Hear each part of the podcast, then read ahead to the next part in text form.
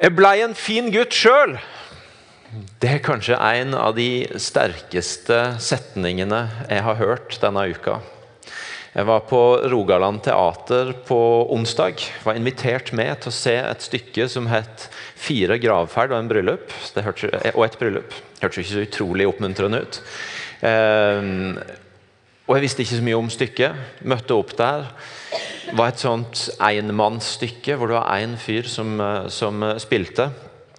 Og sitter der, og gradvis begynner det å gå opp for meg at den historien blir fortalt gjennom denne personen, ikke bare en hvilken som helst fortelling som han har kommet for å spille ut, men han forteller faktisk historien om sitt eget liv.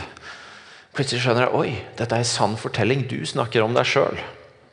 Og den historien han forteller, er en ganske smertefull historie. Om å vokse opp i et hjem hvor foreldre og stefar og bror er, er rusmisbrukere, og mange ting som følger ut av det. Han forteller om mange smertefulle hendelser. Han forteller om sin kamp for å finne ut av sitt liv inn i det. Og så er det mange ting som er sterkt ved stykket. Et av de aspektene er måten det lander på. Joachim Magnus Joakim tvil, Er det Joakim Magnus eller Magnus Joakim? Jeg tror det er Magnus Joakim han heter. Han eh, har sjøl kalt stykket en hyllest til forsoningen. Og eh, eh, For det om jeg røper litt av stykket nå, løp gjerne og se det hvis det er mulig. Det lander bl.a. i en utrolig sterk sekvens hvor han står og sier 'Jeg tilgir deg, mamma, for' 'Jeg tilgir deg, pappa, for' Utrolig sterkt. Men så er det også noe annet som berørte meg veldig i det stykket. Og det er noen av de punktene hvor han skildrer den største smerten. Nå sitter noen og holder seg for øra. Eh, det er noen av de punktene hvor han, hvor han eh, skildrer den største smerten. Fordi han forteller om ting som jeg tenker at det høres forferdelig ut. Om å de seks første ukene av livet sitt ligge på behandling for abstinenser, for heroinavhengighet eller andre ting som gjør veldig vondt. Men noe av det han skildrer med aller størst smerte, det er opplevelsen av foreldre som ikke ga han den tryggheten og den identiteten som han trengte. Han forteller om telefonsamtalen med sin mor etter at broren hans er død. Og hvor mora sier i telefonen 'Nå har jeg ingenting å leve for lenger'. Så sitter han der som den andre sønnen og tenker 'Hæ? Har du ingenting å leve for?' Jeg lever. Og Han skildrer hvordan han er i begravelsen til sin biologiske far, som når begge foreldrene blir tatt for narkotikasmugling, så er faren den som på en måte tar blamen for at ikke sønnen skal ha begge foreldrene i fengsel. Og Så sitter han inne i en god del år, og når han kommer ut, så har mora funnet seg en annen. og Hun vil ikke at han skal ha noe med faren. Og så, og så ender de med at de snakker på telefon en time i uka i en del år, men så, så på en måte fader det ut, og så bare forsvinner faren. Han, han kommer ut av fengsel og starter et nytt liv uten rus. og Lykkes, blir rusfri, blir en kjempepopulær lærer. Men han etterjager aldri sønnen sin. Og De får aldri en relasjon. og Når denne gutten drar i farens begravelse Begravelsen til en mann som, som altså har skapt seg et nytt liv, hvor alle liker han, og hvor han har vært en sånn kjempelikt lærer. Så kommer de bort til han og så sier de Det er ikke rart du ble, har blitt en så fin gutt, du som har hatt den pappaen flere som gjør det. Så forteller han da om denne, denne her, hvor han bare sier Jeg hadde så lyst til å bare gå opp på et bord og klirre i glasset og så bare rope ut Unnskyld! Det er mange av dere som har sagt at det er ikke rart jeg har blitt en så fin gutt fordi jeg hadde han her til pappa. Jeg hadde bare lyst til å si jeg blei en fin gutt sjøl. Takk skal dere ha. Og så gå ned igjen. En utrolig smerte i erfaringen av at de som skulle sette trygghet inn i han, ikke gjorde det. Det er mange hendelser som høres veldig mye mer, på mange måter veldig dramatiske ut, som han, han kunne fortelle om på noen setninger. Men så merker du smerten når han kommer til opplevelsen av å ikke ha hatt verdi hos de som skulle gi han verdi og identitet. Disse siste ukene her i IMI så har vi, så har vi lest om, eh, om Josva. Vi har snakka mye om Josva, om mot, om hvordan Josva var en modig mann som, som satte ut på å erobre det landet Gud hadde lovt Israel. Som satte ut på å etterfølge Moses. Og vi har, vi har lest om hvordan de inntok landet. Og Så er det et vers i Josva 11, nei, jo, Josva 11, vers 15. Så står det her Det Herren hadde pålagt sin tjener Moses, hadde Moses pålagt Josva, og Josva gjorde det. Han unnlot ikke å gjøre noe av alt det Herren hadde pålagt Moses. Josva brukte sitt liv på å gjøre det Gud hadde gitt Moses å gjøre, og som Moses hadde sagt dette må du fortsette å gjøre, Josva. Og Vi er jo på en måte vant til å lese det som en oppbyggelig bibelfortelling og tenker sikkert at det høres flott ut. Men det slo meg når jeg leste det, at det hadde vært interessant egentlig å tenke litt over hvordan vi i dag, hvis det var en fortelling bare om et hvilket som helst menneske i dag, hadde tenkt om en sånn historie. Han brukte hele livet sitt på å fullføre noe en annen hadde gitt han å gjøre. Det kan hende vi syns det høres flott ut, men det kan også ganske godt hende at den historien hadde blitt en sånn Han levde, han ble for alltid levende i skyggen av Moses. Han, han, han, han ble aldri fri. Han kom jo aldri ut og fikk starta sitt eget liv. Han bare han bare levde med det Moses hadde gitt han å gjøre. Hadde han et Moses-kompleks som han aldri ble fri fra? Jeg tror veldig ofte vi tenker i vår tid at frihet handler om å få gjøre det sjøl.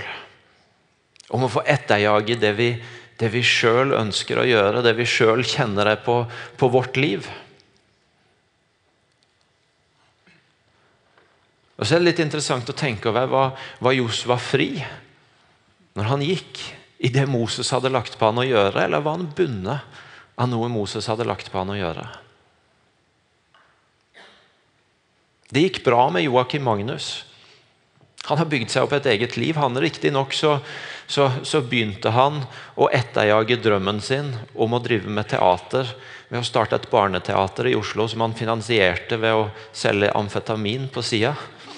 Men men det har han heldigvis slutta med når han fikk familie. Og nå Sist i august så ble han ansatt som teatersjef i Haugesund. Det har gått bra med han. Men det er ikke sikkert han ville si at han, den beste måten å gjøre det på, var at han måtte klare det helt sjøl. Versus at noen hadde satt han opp for det. Det er ikke sikkert at Josva var ufri for det om han fikk gå i noe noen andre hadde satt opp for ham. Det er ikke sikkert at toppen av frihet alltid er å måtte skape alt sjøl. Vi snakker ganske mye om familie i Imi-kirka. Fordi vi tror at det bildet Bibelen gir oss av det kristne fellesskapet, viser at det er meint å være en familie. Det er meint å være noe mer enn en organisasjon, det er meint å være noe mer enn en gjeng som møter opp på samme sted til samme tid. Det er meint å ha en større tilhørighet. Og I det begrepet så ligger det mye forskjellig. Og Jeg skal ikke begynne å oppsummere alt i dag. Det handler om omsorg, det handler om tilhørighet, det handler om forskjellige ting. Men ganske grunnleggende i det å tenke om kirka som familie ligger det også at det finnes et sted hvor du, hvor du får hjelp til å her, finner jeg også en identitet. Her finner jeg også noe av hvem jeg er. Her får jeg også tre inn i noe annet, noe større, hvor jeg ikke trenger å skape hele plattforma for hvem jeg er og hva jeg skal gjøre sjøl. Og i det også at noen har gått foran. Noen har holdt på lenger, noen har brøyta et land som noen andre får lov til å tre inn i uten å kjempe de samme kampene sjøl. Om du vil, noen åndelige mødre og fedre som, som holdt, opp, holdt, opp, landet, sånn at den neste generasjonen fikk gå inn og slippe å kjempe de samme kampene, men fikk lov til å gå inn og bygge videre på noe.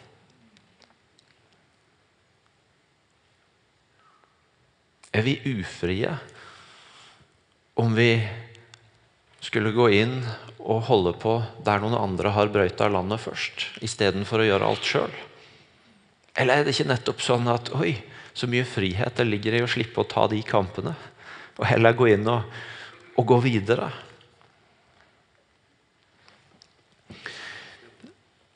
Jeg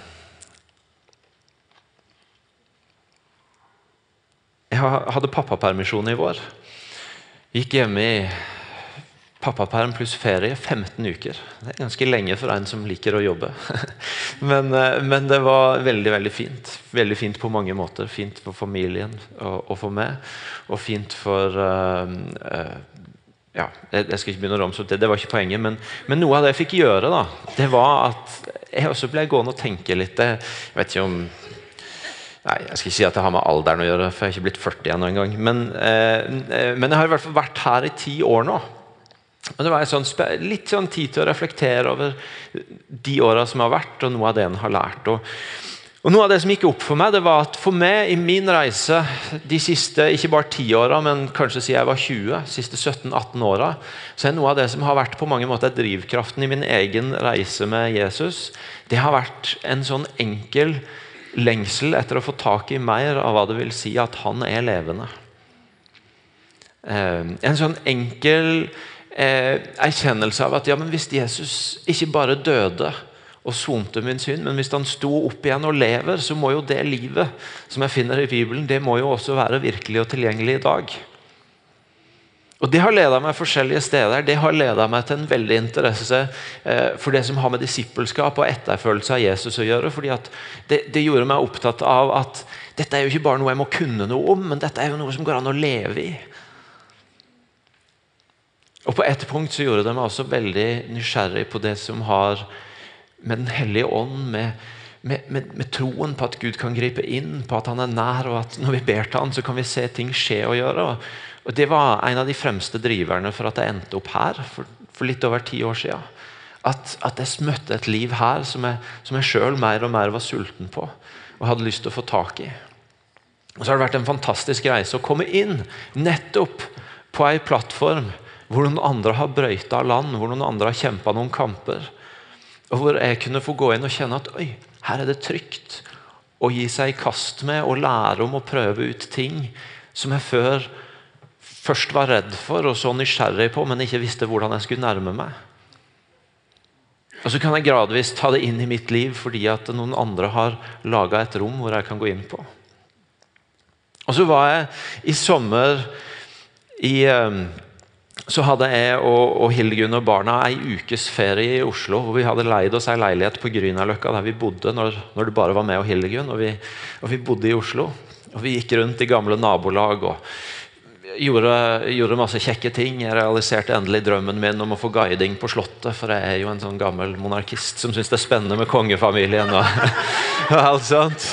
Og jeg fikk testa alle de nye kaffebarene på Grünerløkka. Det var veldig fint. Men, men, men, det var en fascinerende opplevelse fordi at eh, samtidig som eh, vi gikk der og tenkte på det, så sto det på en sånn svær debatt om at Akta, som jeg er rektor for, starta en profeti- og helbredelsesskole.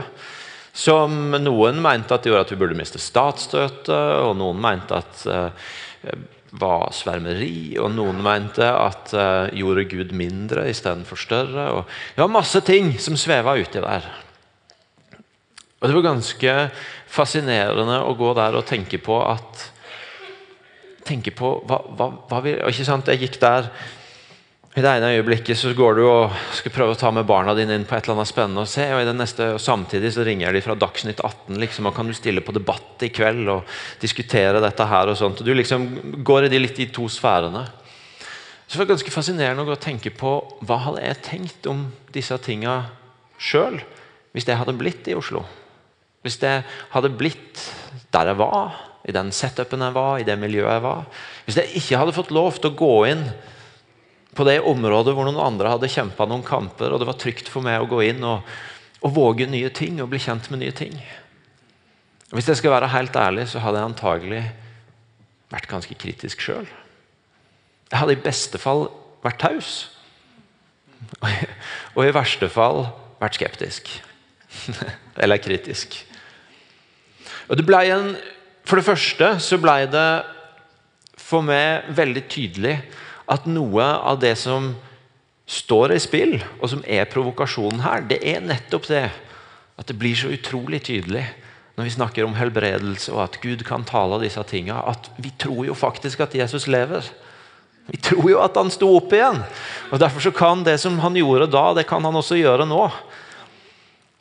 Og På en måte er det ikke så utrolig mye mer komplisert enn det. Vi kan snakke masse teologi rundt det, men på en måte er det ikke så mye mer komplisert enn det. At Vi tror jo at han lever, og da har det konsekvenser for livet nå. Men det ble også veldig tydelig for meg at det at den reisen etter å få tak i mer av det oppstandelseslivet hadde ført meg hit, var en veldig stor del av grunnen til at jeg kunne stå der og tenke at ja, dette tror jeg på. Det er greit at andre kritiserer og er uenig, det må vi sikkert regne litt med. Men jeg kan stå i det og ha tro på det, fordi jeg er en del av en familie som har gitt meg trygghet på å leve i det og tro på det. Og så er det litt fascinerende, da, syns jeg. Fordi at i Josva 13 så står det Josva var nå gammel og langt oppe i åra. Herren sa til han du er nå gammel og langt oppe i åra. Altså det, er jo, altså, en ting er jo at du kan tenke sjøl at nå begynner jeg å dra på årene, men når Gud sier det til deg, liksom Du, du, er, du er, gammel nå, Josva. Oi, oi, oi. Da har du ikke mye å diskutere med. altså. Men andre del av setninga er veldig fascinerende. Men ennå er det mye land som gjenstår å innta. Jeg er veldig glad i, veldig glad i eh, en Stavanger-forfatter som heter Tore Renberg. Eh, han har skrevet noe rart og mye fint.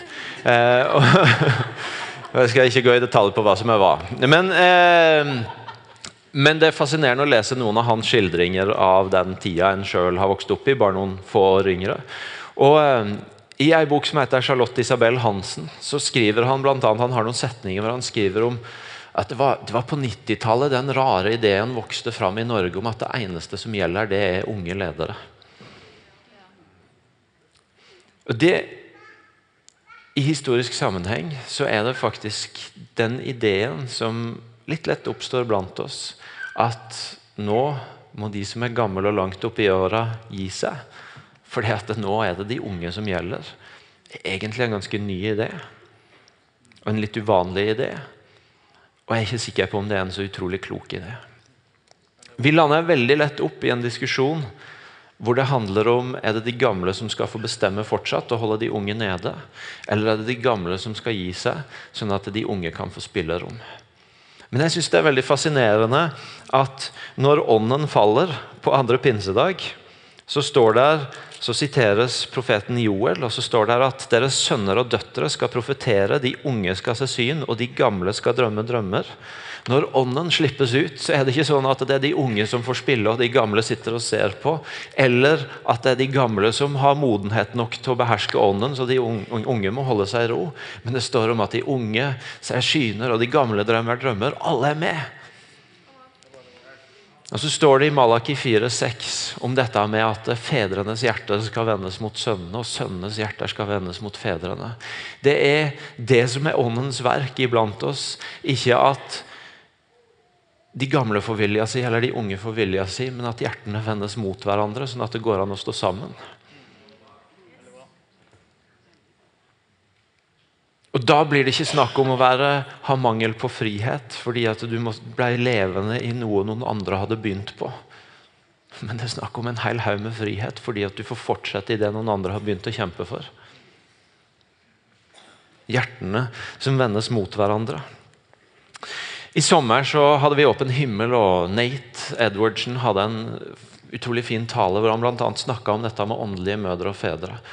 Og um, Hvis du ikke var der, ikke har sett den, den ligger ute på nettsidene våre. anbefaler deg å gå inn og se den. Skal ikke referere den nå, men, men, men, jeg vet at mange som var der, og også mange fra vår menighet, responderte på den. Kjente at det, det berørte noe, dette budskapet om at vi trenger åndelige mødre og fedre som, som verken abdiserer eller prøver febrilsk å holde på makta, men som våger å tenke at vi skal bety noe for de som kommer opp som er, som Nathan sa, mer opptatt av å bygge en arv enn sin egen tjeneste. Og så er det noe med det at det er lett å bli begeistra for den talen. Det er lett å bli begeistra for det jeg snakker om nå, men så er det ofte en utfordring at det blir noe mer med det. Ja, Men hva gjør jeg da? Jeg reiste meg og ble bedt for fordi jeg, jeg har lyst til å enten bli en åndelig mor og far eller, eller, eller finne en, men, men hva skjer etterpå? Hvordan handler jeg på det? Jeg tror at en av hindringene som lett stopper en del i å gå fra begeistring og bønn til å våge å nærme seg noen og bety noe inn i noens liv, det er lav sjøltillit. Det er mangelen på tro på at ja, men, ja, men har jeg noe å gi? Har jeg, har jeg svar på spørsmåla? Har jeg hva, hva kan jeg gi? I ledelsestenkning så er det et begrep som heter 'leading by presence'. Å lede ved nærvær. Og Jeg tror at det er noe av det mest betydningsfulle åndelige mødre og fedre gjør. Det er egentlig bare å være til stede. Det er å lede ved tilstedeværelse. Det er ikke alltid å ha så alle de rette svarene. Det er ikke å kunne alt. Det er ikke å være flinkere enn de som kommer opp i alt. Men det er å lede ved tilstedeværelse noe av den store velsignelsen i mitt, mitt liv de, de uh, siste ti åra, er at jeg har fått annet gå veldig tett med Martin og Irene. Og jeg har selvfølgelig lært utrolig mye av de. Men jeg kan si at noe av det viktigste de har gitt meg når jeg sjøl har trådt mer inn i ledelse, det har egentlig bare vært at det at de er der, gjør meg så utrolig trygg. Det at når jeg står med ting som jeg ikke vet hva jeg skal gjøre, så jo da, noen ganger så får jeg noen gode råd, men men det å egentlig bare kunne sette seg ned i stolen på kontoret til Martin og så er det akkurat som Ok, ja, men det går bra. Preiker er bedre når de er der enn når de ikke er der. fordi det er, det er trygt. Det er trygt at de sitter der. Leading by presence. Lede med tilstedeværelse. Tryggheten som gis ved at noen tør å være nær. Noen som ikke har gått like langt. Han er ikke så utrolig mye om hva du kan. Selv om du vil bli overraska av hvor mye du kan når du bare begynner å, å dele av det livet du har. Men det begynner med egentlig bare å være til stede og gi trygghet. En annen hindring som gjerne kan ligge der, det er jo at du, du er litt redd for å gå glipp av noe sjøl. Ja, men jeg vil ha med meg alt som skjer på gudstjenesten. Jeg vil ha med meg alt som skjer på konferansen. Jeg, jeg, har, jeg har, ikke tid til å, til å, sitte nede i barnearbeid eller, eller, eller borte på Join eller et, et, et eller annet sånt. fordi da, da, skjer det jo noe her inne som jeg går glipp av.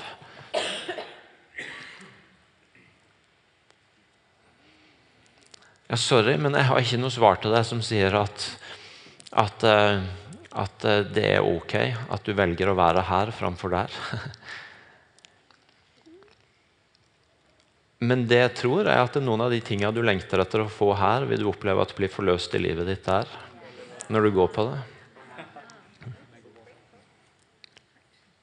Og så kan du bli satt fri fra Nå er jeg kanskje litt frekk med deg, men bare for å provosere deg litt, så kan du bli satt fri fra din egen åndelige egoisme. Og så kan du i stedet få oppleve at det du vil ha, blir forløst når du vil gi det til noen andre. Ikke tenk for lavt om deg sjøl. Ikke vær så redd for å gå glipp av det Gud har for deg, for han kommer til å nå fram til deg. For det om du ikke sitter i setene i denne salen eller i andre møtesaler. Hva gjør jeg da? Du må, bare, du må finne deg en arena. Du må finne deg en arena hvor du kommer nær disse menneskene. Inviter noen på middag. Bli med. Eirin og gjengen med barna de, de har lyst på alt, hele spekteret av folk. Jeg vet at Eirin lengter bare etter noen voksne mennesker som kan være med på bønnevandring for barna og stå velsigne barna. Jeg vet at Geir lengter etter voksne som, som, ikke trenger å ha et lass av oppgaver, men som er der og er til stede med ungdommene.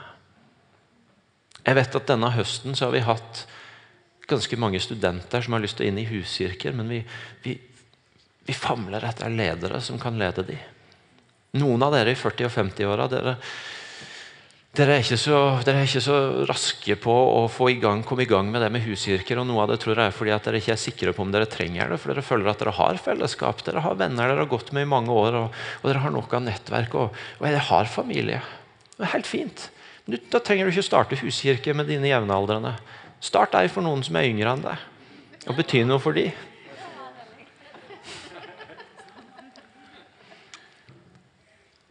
Finn en arena og involver deg. Jeg blei en fin gutt sjøl, sa han. Måtte det ikke bli sånn at folk i denne menigheten, eller i de menighetene som er representert her, må si Jeg redda troa mi sjøl. Jeg lærte det å være en god forelder sjøl.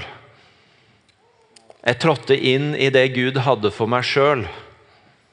Måtte det for all del ikke bli fortelling av de som vokser opp i denne menigheten, eller som kommer inn som unge i denne menigheten, forteller.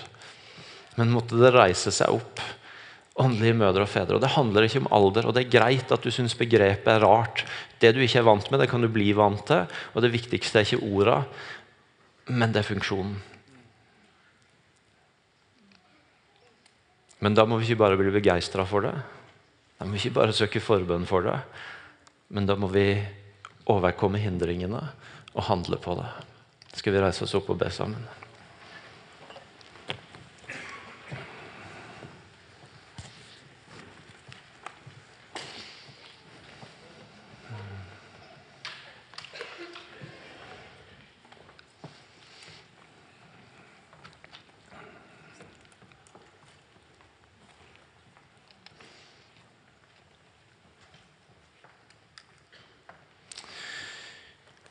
Gode far, takk for at du er far.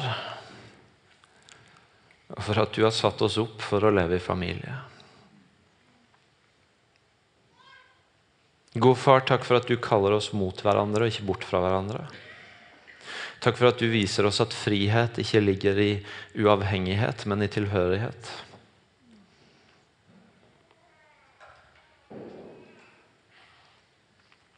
Takk for at du ønsker å reise oss opp og, og vende hjertene våre mot hverandre. Jeg ber deg Hellige Ånd om at du bare skal, skal, virke mellom oss og nettopp la det skje. At, at hjertene våre vendes mot hverandre. Unge og voksne og gamle.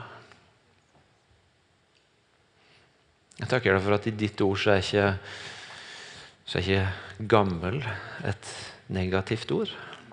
Jeg ber deg om at det ikke skulle være det i kirka vår heller, fordi om det kanskje er det i samfunnet vårt. Men at det å være voksen, det å ha, være, være gammel om du vil, eller bli eldre At det egentlig bare er en mulighet. Og jeg ber deg om at du skal Hjelpe oss til å se både oppover og nedover. Hvem vi henter trygghet hos, og hvem vi gir trygghet til. Tal til oss om, om navn, om ideer, om konkrete muligheter.